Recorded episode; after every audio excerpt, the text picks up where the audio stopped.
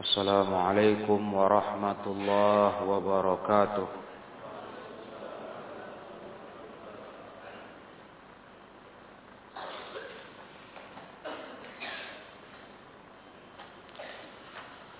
إن الحمد لله نحمده ونستعينه ونستغفره ونعوذ بالله من شرور أنفسنا ومن سيئات أعمالنا من يهده الله فلا مضل له ومن يضلل فلا هادي له. أشهد أن لا إله إلا الله وحده لا شريك له وأشهد أن محمدا عبده ورسوله. يا أيها الذين آمنوا اتقوا الله حق تقاته ولا تموتن إلا وأنتم مسلمون. يا أيها الناس اتقوا ربكم الذي خلقكم من نفس واحدة وخلق منها زوجها وبث منهما رجالا كثيرا ونساء واتقوا الله الذي تساءلون به والأرحام إن الله كان عليكم رقيبا. يا أيها الذين آمنوا اتقوا الله وقولوا قولا سديدا. يصلح لكم أعمالكم ويغفر لكم ذنوبكم. ومن يطع الله ورسوله فقد فاز فوزا عظيما. فإن أصدق الحديث كتاب الله وخير الهدى هدى رسول الله صلى الله عليه وسلم. وشر الأمور محدثاتها فإن كل محدثة بدعة وكل بدعة ضلالة وكل ضلالة في النار. أما بعد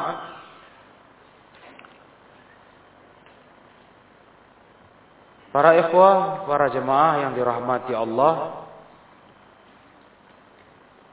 Pembahasan kajian tafsir surah Yunus.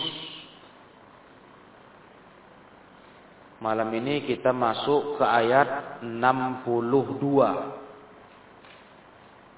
Sampai ayat 64 Di ayat-ayat ini kita lihat bagaimana Allah Ta'ala menjelaskan tentang siapa itu wali. Siapa itu wali Allah. Allah jelaskan tentang mereka. Kata Allah Ta'ala, ألا إن أولياء الله لا خوف عليهم ولا هم يحزنون. الذين آمنوا وكانوا يتقون.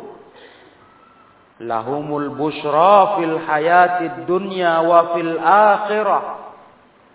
لا تبديل لكلمات الله. ذلك هو الفوز العظيم.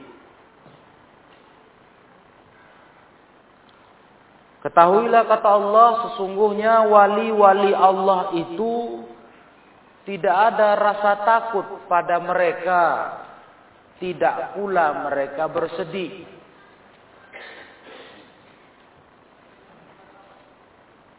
Dan mereka itulah orang-orang yang beriman kepada Allah dan mereka orang-orang yang bertakwa.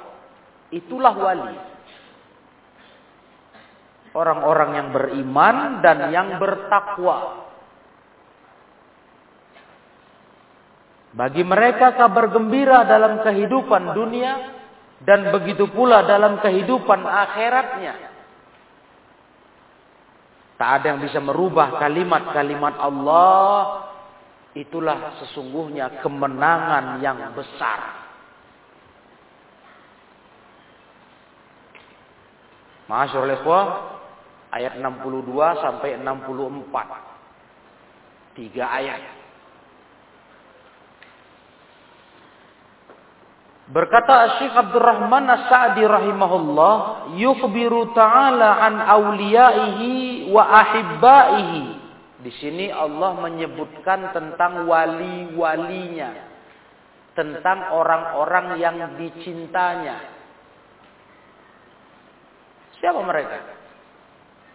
Yang sering diucap-ucapkan di lidah kita, wali Allah, wali Allah. Siapa mereka? Nah, di sini Allah sebutkan tentang mereka.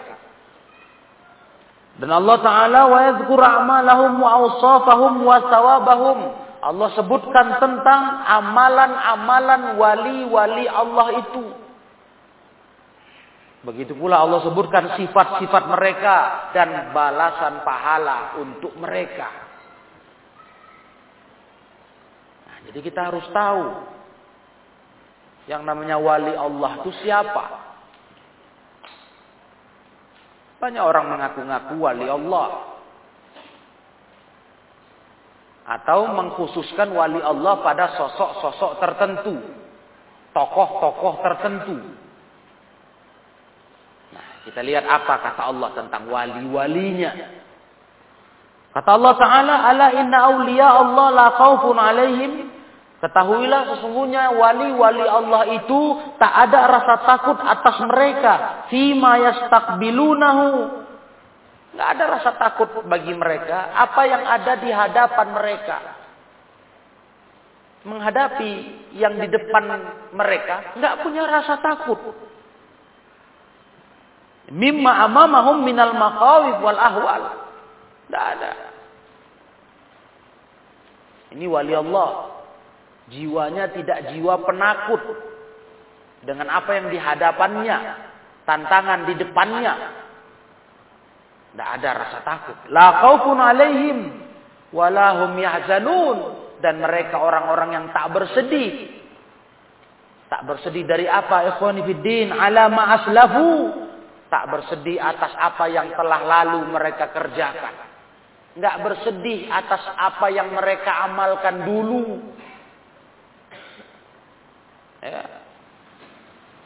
Enggak bersedih dengan penyesalan, enggak. Karena mereka orang baik. Itu makna tidak bersedih. Li'annahum lam yuslifu illa sholiyal amal. Mereka tidak meninggalkan di masa lalunya, masa lampaunya kecuali amalan-amalan solih. Jadi hidupnya tenang. Hah? Hidupnya teguh menghadapi yang di depan, nggak ada rasa takut. Kuat tawakal kepada Allah. Memandang yang di belakang, masa lalu, tidak ada rasa sedih. Karena sukses menggunakan umur. Itu karakter wali Allah para ikhwan. Nggak ada rasa takut, nggak ada rasa sedih. Nah, nah, sabatalahum oleh karena itu wa idza kanu la khaufun alaihim wa lahum yahzanun sabata lahumul amnu was sa'adah. Kalau orang-orang yang sudah nggak punya rasa takut, tak punya sedikit pun rasa sedih, berarti telah tetap bagi mereka rasa aman. Bukankah begitu? Lawannya rasa takut, rasa aman. Kalau dikatakan mereka nggak punya rasa takut, berarti apa? Mereka selalu merasa aman. Begitu pula kalimat mereka tidak bersedih. Apa lawan bersedih? Bergembira. Sa'adah. Berarti mereka orang-orang yang berbahagia, bergembira. Wal khairul kathirul ladzi la ya'lamuhu illallahu ta'ala. Dan banyak kebaikan lagi pada mereka yang enggak tahu ukurannya kecuali hanya Allah Ta'ala. Inilah hidup orang-orang yang namanya wali Allah. Hidupnya tenang, nggak goncang. Karena masa lalu baik. Menghadapi masa depan pun siap. Nah, ini ikhwah. Wali Allah itu seperti itu, kata beliau. Thumma Kemudian Allah sebutkan sifat-sifat wali Allah itu. Nah ini dia. Inilah definisi wali Allah ini. Yang bagaimana mereka?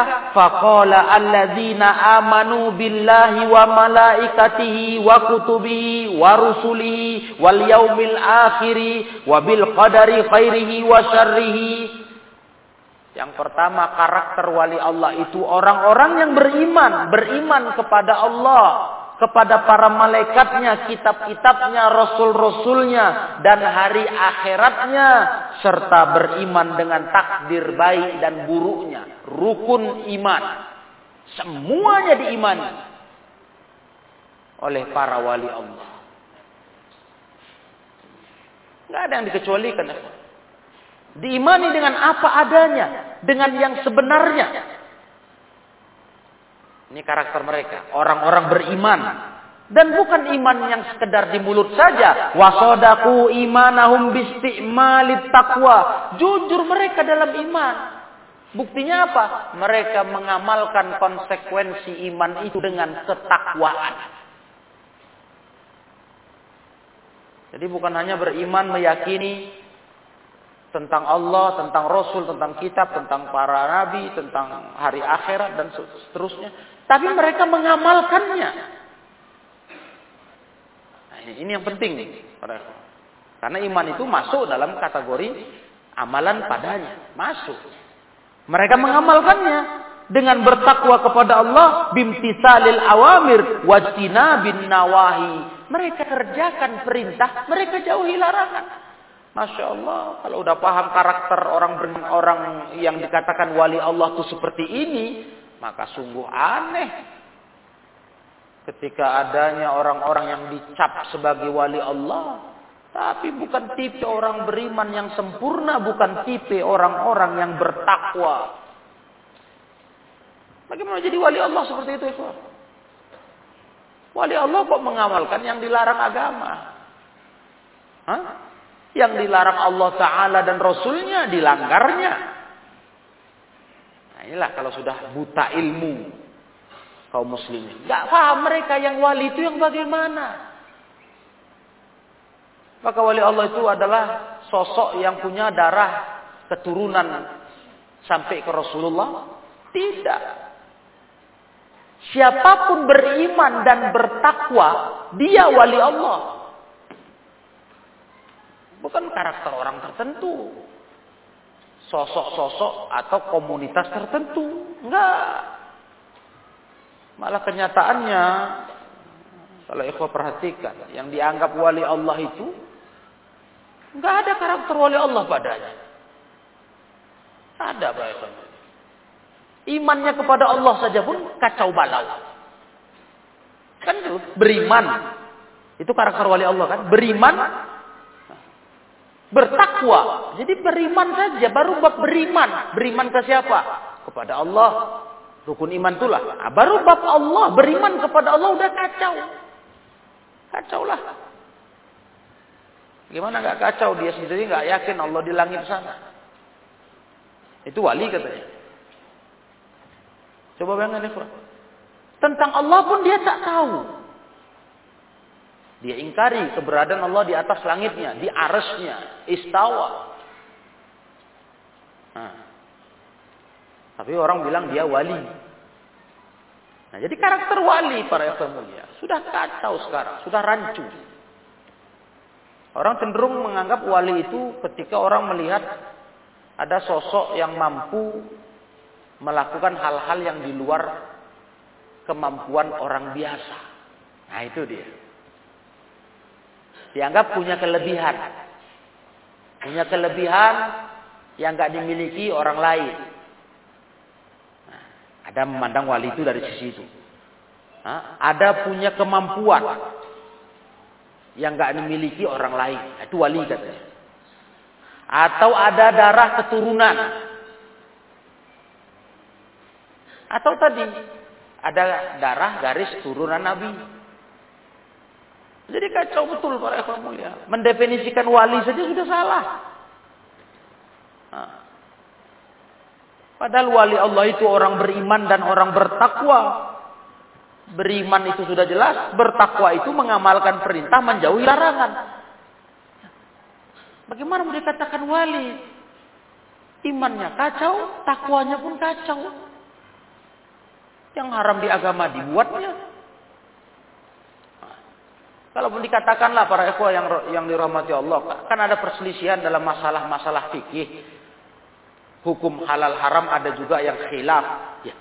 Paling tidak yang namanya wali itu dia warok. Warok itu lebih menjaga diri dari yang syubhat. Kan begitu? Warok.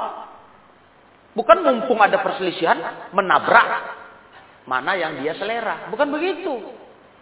Karakter yang betul bertakwa tuh lebih jaga diri dia, warok. Menghindar dia masuk ke dalam sesuatu yang masih samar baginya. Nampaklah ya, yang betul-betul orang bertakwa itu kelihatan. Iya.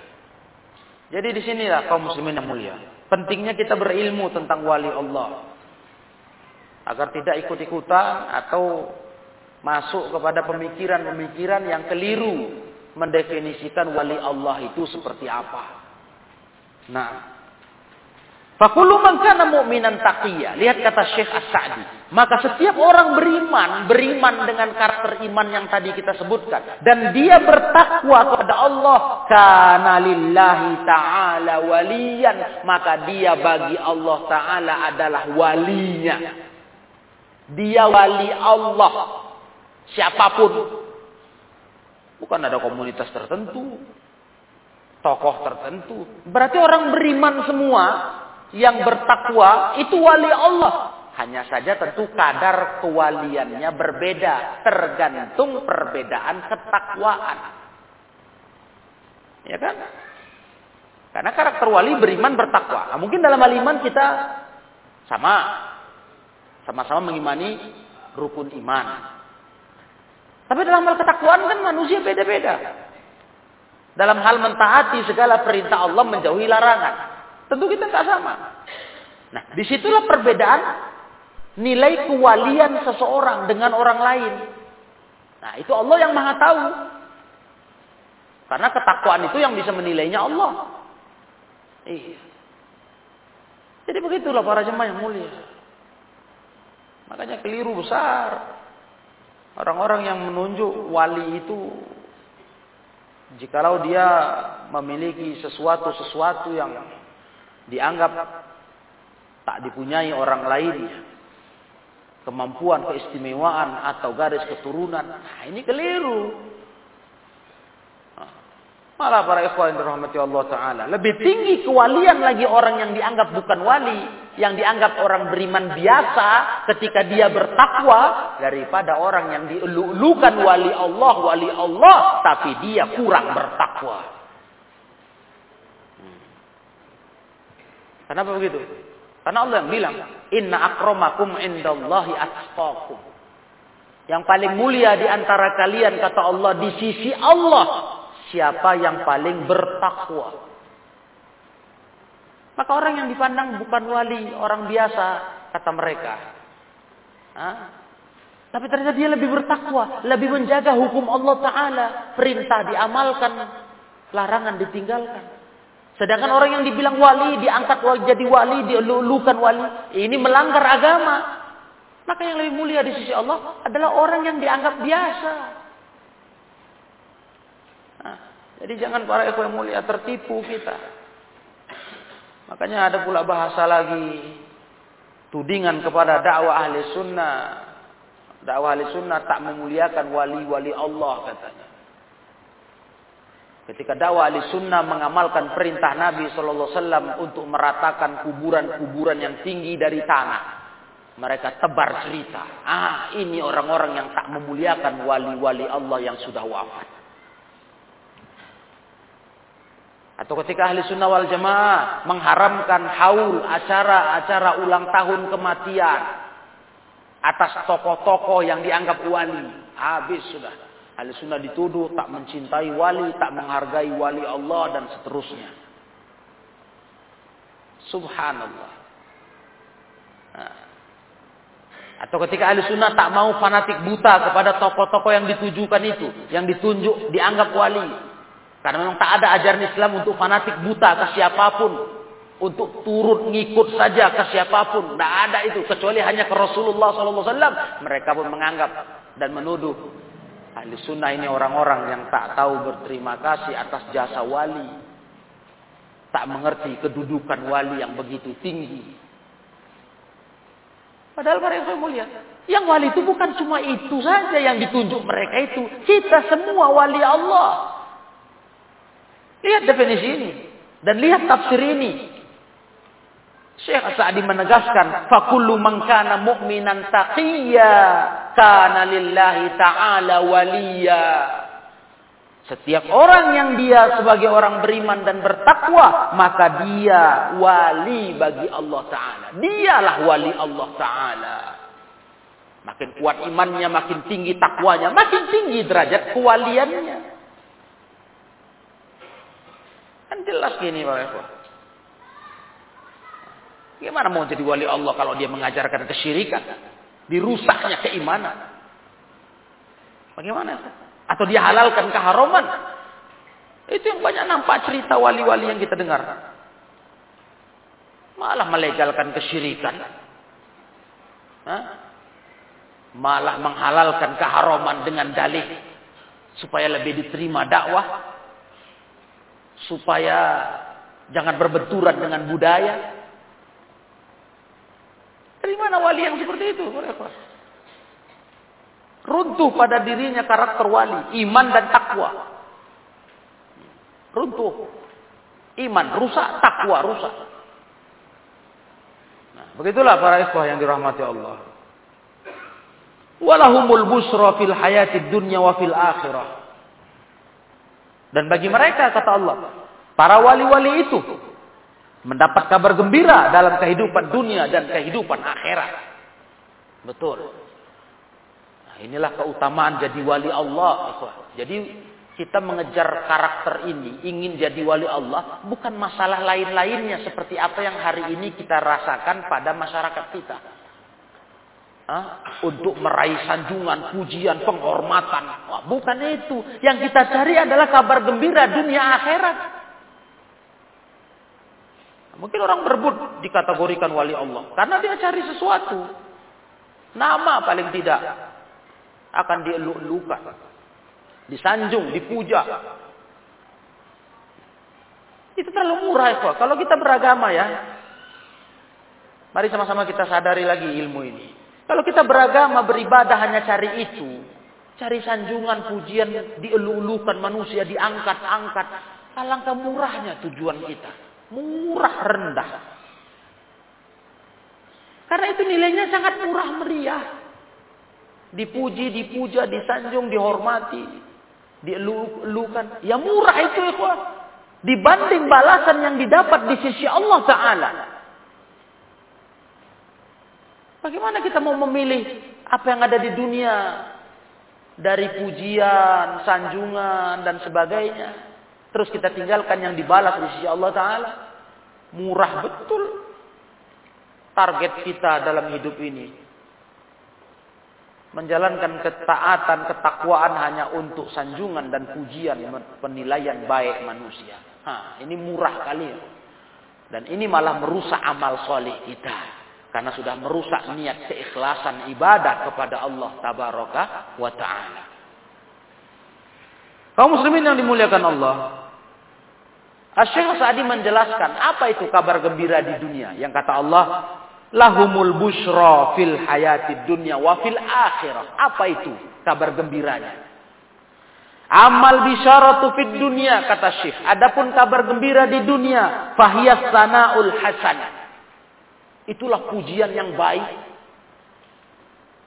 Itu kabar gembira. Dan tentu ini munculnya nanti dari orang-orang solih yang lainnya. Dapat itu para ikhwan mulia. Walaupun tidak dicari itu oleh mereka yang beramal soleh, beriman dan bertakwa. Sama seperti keterkenalan. Ulama-ulama ahli sunnah yang terkenal sampai hari ini berabad-abad lamanya. Ketika mereka menyampaikan dakwah, menyampaikan ilmu, mereka nggak pernah mencari itu. Tapi itulah kabar gembira untuk mereka. Nama mereka harum sampai hari ini, sampai kiamat. Karena mereka nggak cari itu, tapi itu yang mereka dapatkan dari Allah Taala. Itu kabar gembiranya. Nah, kalau itu memang betul ikhwah. Nggak salah para ulama-ulama yang dipuji, disanjung manusia. Karena mereka nggak cari itu. Nama mereka harum, dimuliakan, didoakan. Mereka nggak cari itu. Mereka hanya menyampaikan ilmu yang mereka punya, mendidik umat. Mereka terus mendapatkan as-sanaul hasan. Mereka nggak salah. Nah, begitu. Demikian pula wal mawaddatu fi qulubil mu'minin. Salah satu kabar gembira di dunia bagi para wali Allah. Kecintaan yang ada di hati orang beriman atas mereka. Masya Allah. Dibuat Allah hati orang beriman mencintai mereka. Nah, ini semua makanya ikhwah beberapa kali sudah kita jelaskan. Makanya hidup ini yang target kita itu jangan manusianya. Target kita Allahnya. Karena Allah yang mengatur hati manusia. Urusan hati manusia ini gak usah pikirkan bagaimana-bagaimananya dia. Senang tidaknya kepada kita. Itu nggak bisa kita atur itu. nggak bisa kita tentukan. Misteri hati manusia ini. Bisa berbolak balik seketika. Bisa sesaat dia kagum kepada kita. Hormat, cinta. Bisa sekejap berubah. Muak, benci, marah, Jangan salah, hati manusia ini gampang kali bergeser. Makanya hidup kalau mencari hati manusia, wah masya Allah, alangkah capeknya. Capek betul. Karena hati manusia ini berubah-berubah dengan sesaat, sekejap. Makanya cari ridho Allah. Biar Allah yang ngatur hati manusia. Dan salah satu balasan Allah kepada wali-walinya. Allah buat hati manusia cinta ke mereka. Lihat. Lihat kata, kata Syekh As-Sa'di. Allah berikan al-mawaddah fi qulubil mu'minin. Kecintaan di hati orang beriman atas mereka. Subhanallah. Karena mereka orang-orang yang jadi wali-wali Allah. Mengejar ridho Allah. Orang yang mendahulukan ridho Allah daripada ridho manusia. Allah buat manusia cinta kepadanya. Nah, Itulah hidup yang paling senang mereka, paling lapang. Enggak mikirkan ridho manusia, karena itu pekerjaan yang berat, berat, berat. Dipikirkan, apalagi dikerjakan, dipraktekkan, capek itu. Pengen semua orang senang sama kita. Bagaimana? Bagaimana caranya? Apalah caranya itu? Selera orang saja semua beda-beda. Mau orang beda-beda. Tipe orang beda-beda, tabiat orang beda-beda. Latar belakang orang beda-beda. Bagaimana mau berharap kita semua cocok dengan kita? Bagaimana ya, Teramat mustahil itu kalau hidup untuk itu. Mustahil diraih. Ridon nas ghayatun la tuhsa. Jangan lupa ungkapan itu. Syekhul Islam Ibnu Taimiyah berkata, ridho manusia tujuan yang enggak ada ujungnya, enggak bisa dicapai ridho manusia. Karena manusia macam-macam, macam ragam. Macam ragam lah. Nggak sanggup kita hidup. Mesti cocok orang semua sama kita. Cari mereka senang ridho. Nggak sanggup kita. Karena orang banyak kali keinginannya beragam macam. Nah, ketika kita fokus mencari ridho Allah. Yang penting Allah ridho ke saya. Jalan yang saya tempuh ini disenangi Allah. Cocok mau Allah, mau Rasulnya. Aman. Urusan hati manusia Allah yang akan memberikan kecintaan kepada mereka untuk kita. Nah, biar serahkan Allah itu. Lagi pula para ikhwah, sosok Rasulullah kekasih Allah saja tak pernah dalam hidup beliau beliau pernah menjalani satu saat pun dicinta semua manusia, tak pernah itu. Sesaat sekejap mata pun tak pernah beliau merasakan. Ada waktu beliau dicinta semua manusia tanpa benci, nggak ada. Karena mesti ada ahlul batil. Nah, mesti ada. Kalau ada ahlul hak, ada ahlul batil. Nggak mungkin lah. Bagaimana ahlul batil mau dipaksa mencintai ahlul hak? Nggak bisa. Tentu yang cinta kepada Rasulullah dan siapa mengikut Rasulullah. Ahlul hak. Betul. Tapi apa bisa semua menjadi ahlul hak? Kan tidak. Pasti ada ahlul batil. Dan ahlul batil pasti benci. Mana pernah senang sama ahlul hak? Jadi itu gak usah pedulikan ya. Gak usah pedulikan. Bukan maknanya saya ingin meluruskan. Bukan maknanya kita ini sok jago. Sok hebat. Nah, bukan begitu. Kita berpikir seperti ini karena beginilah yang Nabi tuntunkan dalam hadisnya. Hadis Aisyah Ummul Mukminin itu. Man iltamasa ridallah bi sakhatin nas, kafahu Allah ma'unatan nas alaih. Wa man iltamasa ridon nas bi sakhatillah, sakhitallah alaihi wa askhatan nas alaih. Itu bimbingan Nabi cara pikir ini. Bukan kita pandai-pandai. Hadis Ummul Mukminin Aisyah ketika beliau ditanya oleh sahabat Muawiyah, "Wahai Ummul Mukminin, tolong kami beri nasihat yang ringkas padat." Tolong kasih kami dari Nabi. Ummul Mukminin Aisyah menyampaikan hadis tadi.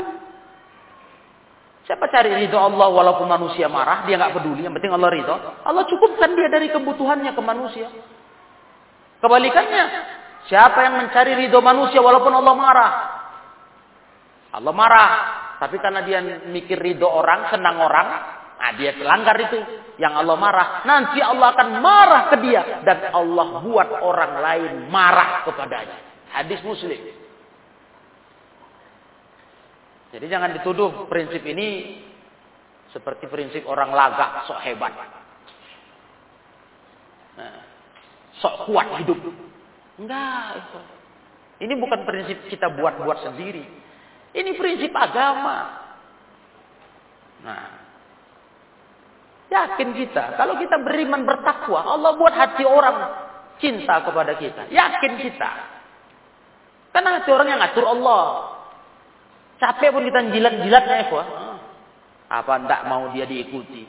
Kalau Allah bilang marah Allah, marah kata Allah kepada orang itu, marah kau kepada fulan ini, ya dia marah sama kita. Karena hatinya di antara dua jari jemari Allah. Yuqallibu yuqallibuha kaifa yasha. Allah bolak-balikkan sekehendaknya. Capek pun kita menjilat orang. Kalau Allah sudah marah ke kita, Allah buat orang yang kita jilat itu marah. Habislah. Nggak bisa kita lagi dapat ridho. Karena dia sudah dibuat Allah marah. Nah, ini prinsip hidup. Nanti ikhwan akan rasakan lebih tenang hidup dengan cara pikir ini. Insya Allah. Lebih tenang berbuat, beramal, bertindak. Ya, nggak peduli orang, maaf. Bukan kami sok jago bilang. Itu ajaran agama kami. Kami nggak peduli ridho manusia kalau sudah Allah ridho. Kami nggak peduli marah manusia kalau Allah ridho. Kami jalan dengan ridho Allah. Karena marah manusia gampang berubah Allah berubah menjadi cinta, menjadi simpati, dari benci jadi simpati, gampang. Kalau Nah ini saya ulang-ulang lagi karena kita sama-sama para merasakan merasakan bagaimana Resiko menegakkan agama Allah. Resiko dibenci manusia. Dimusuhi. Jangan gentar, jangan goyang, jangan mundur. Jalan terus. Allah yang ngatur hati mereka. Kan mereka semua hambanya, kita hambanya. Pembenci Islam ini hambanya, musuh agama hambanya. Apa susah bagi Allah balik hati dia. Kurang mengerikan bagaimana sosok Umar bin Al-Khattab ketika belum Islam. Siapa yang nggak kenal di Mekah itu Umar ibn al-Khattab. Begitu Allah balikkan hatinya kepada Islam, subhanallah. Dengan gampangnya dia balik ke dalam Islam, berbalik hatinya memeluk Islam. Dalam kondisi beliau adalah termasuk orang yang paling keras permusuhannya kepada Rasulullah SAW di awal-awal dakwah. Ya gampang Allah balikkan saja gampang kok. Nah, gampang. Nah, jadi ini kok menjadi kabar gembira bagi kita. Kalau Allah sudah memberi kita kebaikan dengan takwa dan iman kita, aman hidup ini sudah. Soal pertolongan-pertolongan akan datang sendirinya. Datang aja, yang nggak kita duga. Tapi jaga ridho Allah ya. Maka itu jangan main-main sama ridho Allah ini. Jangan pula sepele dengan marah Allah. Gara-gara orang senang kita langgar marah Allah. Jangan. Kita rugi nanti. Nanti nggak dapat dua-duanya. Ridho Allah jelas nggak dapat karena marah Allah kita langgar. Nanti ridho manusia pun tak dapat. Tuh, itu namanya rugi. Hah? Rugi dunia akhirat, miskin dunia akhirat. Yang mulia. Kemudian bentuk busro lainnya waru'ya solihah, mimpi yang baik. Wa ma yarahul abdu min lutfillah bihi wa taysirihi li ahsanil a'mal wal akhlaq wa sarfihi anhu masawi al akhlaq dan apa yang didapati para hamba yang dia rasakan dari kelemah lembutan Allah taala kemudahan yang diberi Allah taala untuk dia bisa beramal dengan amalan yang paling baik dan akhlak yang paling baik dan dia akan lihat Allah memalingkan dari dia keburukan-keburukan akhlak. Nah, itu kabar gembira untuk orang yang jadi wali Allah. Yang beriman bertakwa. Kabar gembira di dunia itulah tadi. Kita jadi mudah beramal baik, berakhlak yang mulia. Jadi gampang. Akhlak buruk gampang kita tinggalkan. Dimudahkan Allah aja jalan-jalan kita di kebaikan. Nah, ini bentuk kabar gembira Allah untuk para wali-walinya di dunia. Wa amma fil akhirati adapun di akhirat nanti. Wah, Masya Allah di akhirat. Dunia saja sudah seperti itu. Di akhirat nanti. Fa'awwaluha al-bisyara inda qabdi arwahihim. Dimulai sejak dicabutnya nyawa mereka. Ah, mulailah kabar gembira itu datang. Begitu awal dicabut nyawa mereka. Ya karena masuk ke akhirat para pintu masuknya mati ya. Pintu masuk ke akhirat itu mati. Itu pintu masuknya. Nggak ada cerita alam akhirat kalau nggak mati dulu kita. Nah, jadi dimulai kalau cerita alam akhirat sejak dicabutnya ruh kita. Nah, di situlah mulai kabar gembira datang. Nah, apa itu kabar gembiranya para ikhwan mulia? Dijelaskan oleh beliau kama qala ta'ala Allah berfirman, "Innal ladzina qalu rabbuna Allah thumma istaqamu tatanazzalu alaihimul malaikatu alla takhafu wa la tahzanu wa abshiru bil jannati allati kuntum tu'adun." Di ayat lain Allah berfirman, sesungguhnya orang-orang yang berkata Rabb kami adalah Allah kemudian mereka istiqomah. Nah, istiqomah, konsekuen, teguh, kokoh di atas kalimat Rob kami adalah Allah, di atas Islam dan imannya. Konsekuen, nggak mencela-mencele, nggak berubah-berubah gampang-gampangan. Orang-orang seperti itu kata Allah Taala tatanazzalu alaihimul malaikat turun malaikat kepadanya. Masya Allah. Turun malaikat kepadanya. Allah takhafu wa la tahzanu mereka berkata, jangan kalian takut, jangan kalian bersedih. Malaikat yang ngasih kabar gembira itu ketika awal dicabut rohnya orang-orang yang beriman dan bertakwa wali-wali Allah. Hah, malaikat mereka. Dan malaikat berkata, wa abshiru bil jannah allati kuntum tu'adun. Ayo gembira kalian. Hei roh-roh yang beriman. Gembira kalian dengan surga Allah yang dijanjikan untuk kalian. Uh, bayangkan ya, udah dapat jaminan surga, baru mati, malaikat ngasih kabar gembira. Nah, gimana nggak kita kepengen seperti itu? Nah, langsung malaikat yang Allah turunkan dari sisinya dari langit sana untuk ngasih kabar gembira itu kepada roh-roh orang beriman di kubur mereka. Nah, ini kan luar biasa ini. Di saat ruh itu dicabut, udah dapat kabar gembira kita. Subhanallah. Dan dikubur nanti wa fil qabri ma bihi min taala wan na'im al muqim. Di kuburan dapat terus kabar gembira berupa ridha Allah, berupa nikmat yang kekal. Iya. Makanya kita kalau cerita alam kubur, alam barzah, itu alam alam sendiri, ikhwah. Yang beda sama alam manusia. Karena kesibukan penghuni kubur, itu kesibukan tersendiri yang nggak bisa dia berhubungan dengan alam dunia kita. Karena mereka di sana kalau beriman, mereka sedang merasakan kenikmatan-kenikmatan yang ditunjukkan ke mereka, yang bikin mereka nggak sabar tegaknya kiamat. Kepingin kali masuk surga, karena udah ditunjukkan terus. Yang kafirnya begitu juga. Di alam kubur itu, di alam barzakh itu sengsara, tersiksa karena ditunjukkan kepada mereka yu'raduna 'alaiha ghuduwa wa 'ashiya, ditampakkan neraka pagi sore. Sehingga mereka ketakutan mohon kepada Allah, jangan kiamat, jangan kiamat. Udah ketakutan. Itu hidup di alam barzakh. Ini kabar gembira ini. Dari malaikat untuk para orang-orang yang menjadi wali Allah. Yang beriman dan bertakwa. Kan jelas mereka. Keuntungan para wali Allah itu seperti itu. Nah, baru puncaknya wafil akhirat di akhirat yang sebenarnya. Puncaknya rumah akhirat. Tamamul busra. Nah, itulah kesempurnaan kabar gembiranya. Dari waktu nyawa dicabut udah dapat, di alam kubur udah dapat lagi, Nah, nanti puncaknya di akhirat. Sempurnanya kabar gembira itu apa? Dengan duhuli jannatin naim. Dimasukkan ke dalam surga yang penuh kenikmatan. Oh, oh luar biasa. Betul-betul luar biasa ini. Tempat rumah kenikmatan. Namanya aja rumah kenikmatan. Darun Naim. Jannatun Naim. Hmm, hmm. Yang gambaran kenikmatannya cukuplah bagi kita Ya, andai kata ini saja pun kita ingat cukup itu. Saking nikmatnya surga itu ketika awal ahli surga dimasukkan ke dalamnya, ditanya malaikat. Pernah kau merasakan sengsara sekalipun sepanjang hidupmu? Padahal di dunia siapa hidup yang nggak pernah rasa sengsara?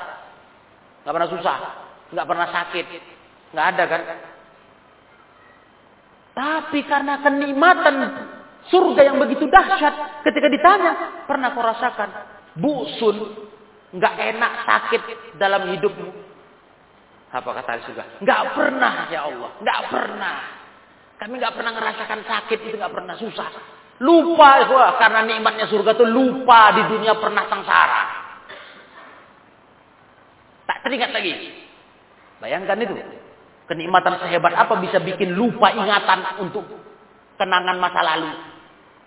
Mana bisa? Kalau cuma kelas dunia, mana bisa? Apa yang bisa melupakan kita dari kesengsaraan hidup? Mau nikmat kayak mana pun. Mana pula kita bisa melupakannya? Pernah sakit dulu. Pernah nggak enak dulu. Walaupun sekarang kita mungkin orang paling enak misalnya. Nggak bisa. Namanya kenangan tuh nggak nggak lepas dari kepala. Tapi di surga lenyap itu. Sama kayak ahli neraka ditanya oleh Allah. Pernah Kau merasakan kesenangan sekalipun dalam hidupmu setelah dia bakar, dibakar di neraka. Apa kata ahli neraka? Tak pernah ya Allah. Tak pernah senang kami sekalipun. Gitu. Saking dahsyatnya siksa itu. Hilang memorinya pernah senang dalam hidup. Bayangkan itu. Nah, inilah keuntungan orang-orang yang jadi wali Allah.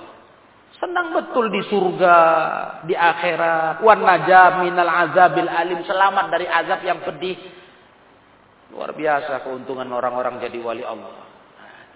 Jadi kita bukan nggak percaya wali-wali Allah itu, malah kita sepenuh hati yakin wali Allah itu ya jelas banyak, bukan lagi cuma ada, banyak. Siapa? Orang beriman dan orang bertakwa.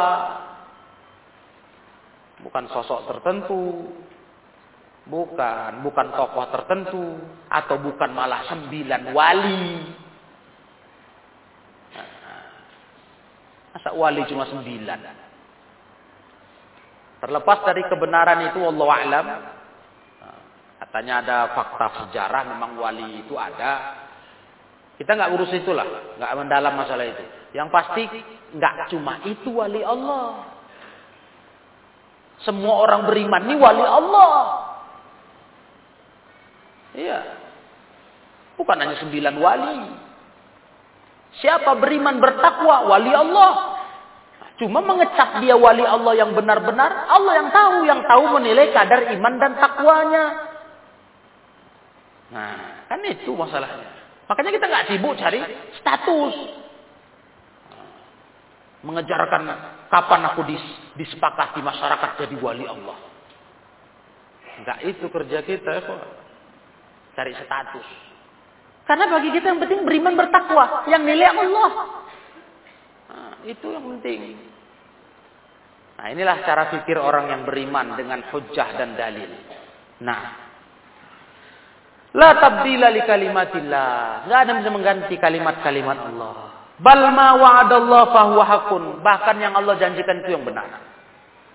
Ini semua yang Allah sampaikan ini enggak ada yang bisa merubahnya. Enggak ada yang bisa ganti. Apa yang Allah sampaikan itu yang benar. La yumkin taghyiru wala tabdilu, enggak mungkin dirubah, enggak mungkin diganti hukum ini. Ini berlaku pasti. Bagaimana nasibnya para wali Allah itu dapat kabar gembira dunia akhirat, itu nggak bisa dirubah, nggak bisa diganti. Ini benar adanya. Li'annahu sadiqu fi qili. Karena Allah yang maha jujur dalam ucapannya. Alladzi la yaqdiru ahadun ayyukhalifahu fi ma qaddarahu wa qadha. Yang mana tak seorang pun mampu menyelisihi apa yang Allah takdirkan, apa yang Allah tentukan. Gak bisa, siapa pun gak mampu menghadapi Allah Ta'ala. Menentang Allah, melawan mau Allah gak bisa. Nah, walhasil, nah, zalikal, zalika huwal fawzul azim, itulah kemenangan yang besar. Kalau kita mampu meraih itu, Masya Allah, itulah kesuksesan yang besar. Itu. Banyak enak kalau pakai agama ini hidup. Kita punya tujuan, punya target. Ada target yang kita terus terbayang tiap hari dalam berbuat, dalam beramal. Kita ingin kesuksesan yang besar. Kesuksesan yang betul-betul tiada duanya. Kesuksesan di akhirat. Ya sih, saya rasa adalah hal yang lumrah kalau kita lihat orang bersemangat ngejarkan, ngejarkan sukses di dunia. Sukses di karir, sukses di pendidikan, sukses di jabatan, pangkat. Kan penuh gairah hidupnya, ngejarkan kesuksesan itu. Meraihnya. Padahal kesuksesan itu semua sifatnya semu. Karena sifatnya kelas dunia itu semu. Mataun ilahin. Kesenangan sampai waktu tertentu. Bahkan di ayat lain kata Allah mataul ghurur, menipunya itu. Nah, itu aja manusia bisa semangat. Karena dia punya target sukses di hari tua misalnya. Oh, saya harus kerja di waktu muda. Dan bagaimana saya bisa nanti udah tua sukses. Semangat. Padahal itu yang dikejar masih semu-semu saja, murah-murahnya. Kenapa kita dalam hal kesuksesan yang nyata, al-fauzul azim, Kesuksesan yang nyata ini apa? Kebahagiaan dunia akhirat. Kenapa kita tak lebih semangat dibanding orang yang mengejar kesuksesan dunia saja? Nah, jadi hidup ini terasa bermakna. Ada target yang kita cari, yaitu akhirat yang bahagia, akhirat yang tidak celaka di dalamnya. Nah, itu enak hidup ini. Jadi ketika datang ajakan amal soleh, kita nggak malas. Karena kita punya target itu. Oh ini jalannya ini, jalan kesuksesan itu. Saya harus tempuh. Ketika orang menunjukkan jalan kebaikan. Ketika orang menawarkan jalan keburukan. Dengan gampang kita tolak. Ah ini membelokkan saya dari kesuksesan yang saya cari. Ini mengarahkan neraka, nggak ke surga. Begitulah cara pikir kita. Harus terus begitu dalam hidup ini. Nah. Kemudian para jemaah yang dimuliakan Allah. Liannahu istamala 'ala najati min kulli mahdzur. Karena namanya kemenangan yang besar itu mencakup keselamatan dari segala yang membahayakan. Wa dzufur bi kulli matlubin mahbub dan meraih semua yang dicari, yang diinginkan. Ya. Kita cari apa, kita menginginkan apa. Nah, tercapai semua dengan kemenangan yang besar tadi. Wa hasrul fawzi fihi li'annahu la fawza li ghairi ahli iman wa taqwa dan dibatasi kemenangan hanya pada masalah itu saja, masalah ketakwaan tadi, keimanan tadi karena memang kemenangan itu tidak ada untuk orang selain orang beriman. Tidak ada untuk orang selain orang beriman, tidak ada. Makanya dibatasi. Itulah kemenangan yang besar. Yang mana? Yang beriman dan beramal soleh, bertakwa. Lain orang beriman, lain orang bertakwa. Nggak ada kemenangan bagi mereka. Nggak ada kebahagiaan, kesuksesan nggak ada. Dibatasi Allah. Al-Hasr. Dibatasi. Zalika huwal fauzul azim. Itu pembatasan. Itulah, hanya itulah dia. Kemenangan yang besar. Jadi kita jangan tertipu. Ikhwan. Dengan kemenangan yang menipu yang dirasakan orang-orang yang tak bertakwa apalagi tak beriman. Itu yang udah pernah kita kaji khusus kan? Terkait masalah kajian awal bulan. Orang beriman itu nggak pantas sekali lah melirik-lirik kesuksesan dunia orang-orang kafir tak beriman. Jangankan orang kafir tak beriman, yang tak taat pun malas kita. Kenapa? Karena dia nggak sukses sebenarnya. Iya. Walaupun nampak nyata kayaknya dia betul-betul telah mencapai tujuannya, mencapai angan-angannya. Tapi kita yakin dalam ilmu Islam, siapa pun tak beriman, tak bertakwa, dia orang yang tak sukses, tak menang. Hmm. Betul, itu kata Allah dalam Al-Quran. Kemenangan itu hanya milik orang beriman, orang bertakwa. Itu baru kemenangan yang besar. Makanya jangan hidup ini suka kali menolak mengukur itu dengan tolak ukur dunia. Jangan. Tapi dengan agama, dengan takwa, bukan dengan tolak ukur dunia. Itu sangat keliru cara pandang kita. Nah, Nah, kemudian para wal hasil annal busra syamilatun likulli khairin wa thawab. Hasilnya dari pembahasan ini yang namanya kabar gembira itu mencakup semua kebaikan dan pahala. Rattabahullah fid dunya wal akhirah 'alal iman wa taqwa. Itu yang akan Allah berikan di dunia dan akhirat atas segala keimanan dan ketakwaan kita. Makanya nggak pernah sia-sia, sadarlah ya. Gak pernah sia-sia. Segala keimanan, ketakwaan kita itu bernilai berharga di balas Allah. Sekecil apa pun amal kita. Maka jangan sepelekan amal baik. Allah itu gak akan pernah menyia-nyiakan kebaikan hambanya. Ketakwaan hambanya, keimanan hambanya.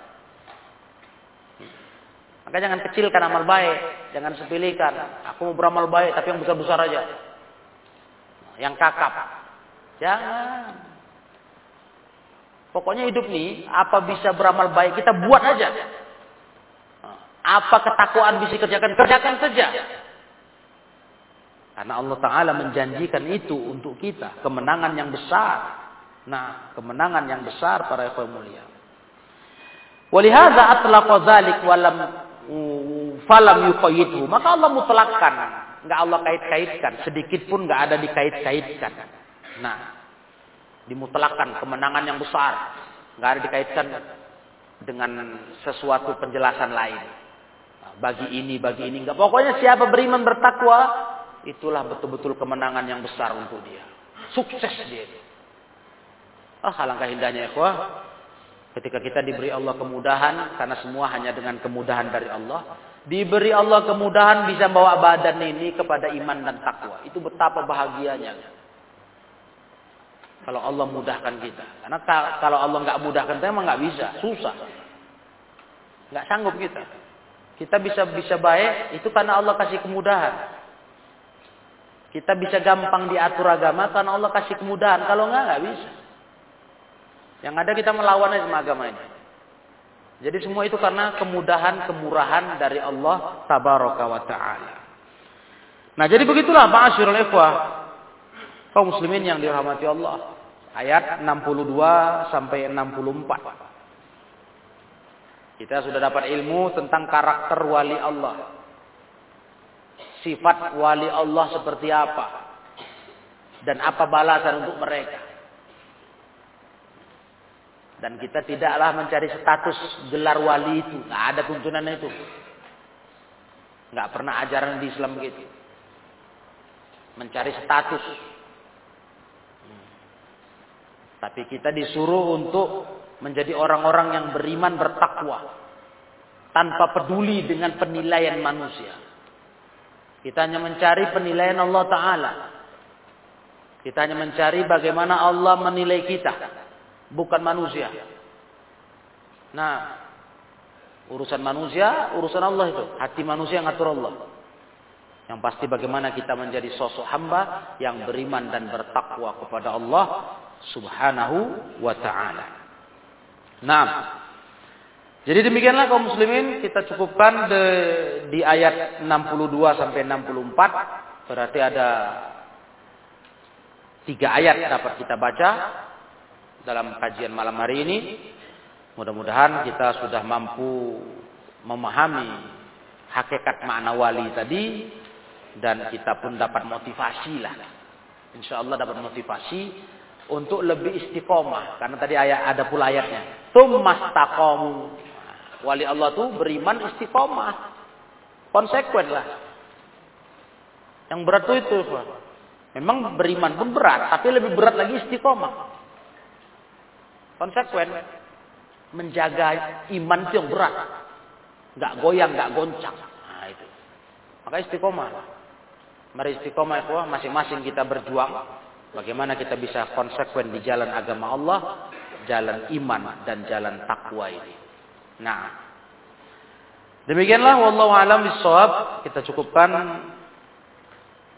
Semoga bermanfaat. Wa akhiru da'wana anil hamdulillahi rabbil alamin.